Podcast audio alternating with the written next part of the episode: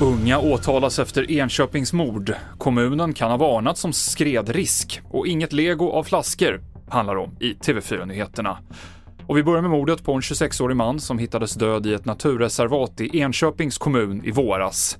Fem tonåringar, fyra bröder och en flicka åtalas idag misstänkta för mordet och åklagaren säger att det finns mycket bevisning. Och det är då dels uppgifter från personer i de misstänktas närhet.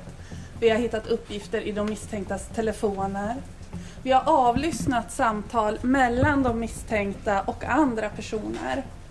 Vi har hittat DNA-bevisning där vissa av de misstänktas DNA finns i målsägandens bil, på målsägandens kläder och på rep som målsäganden hittades hängd med. Vi har också hittat rep i en av de misstänktas lägenheter. Utöver det här så har vi hittat målsägandens tillhörigheter hemma hos vissa av de misstänkta.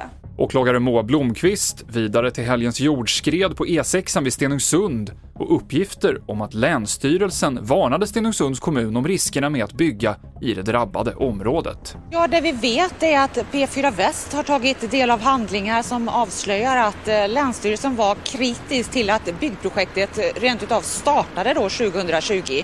Man varnade för att eh, marken var olämplig och att den, om man byggde så kunde det medföra både översvämningar, jorderosion och olyckor berättade vår reporter Anneli Adqvist och vad som orsakat skredet är inte klarlagt.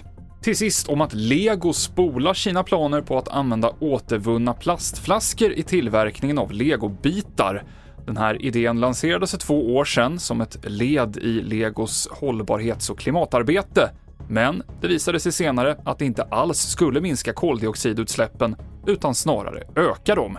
Det här rapporterar Financial Times. Och det avslutar TV4-nyheterna. Jag heter Mikael Klintevall.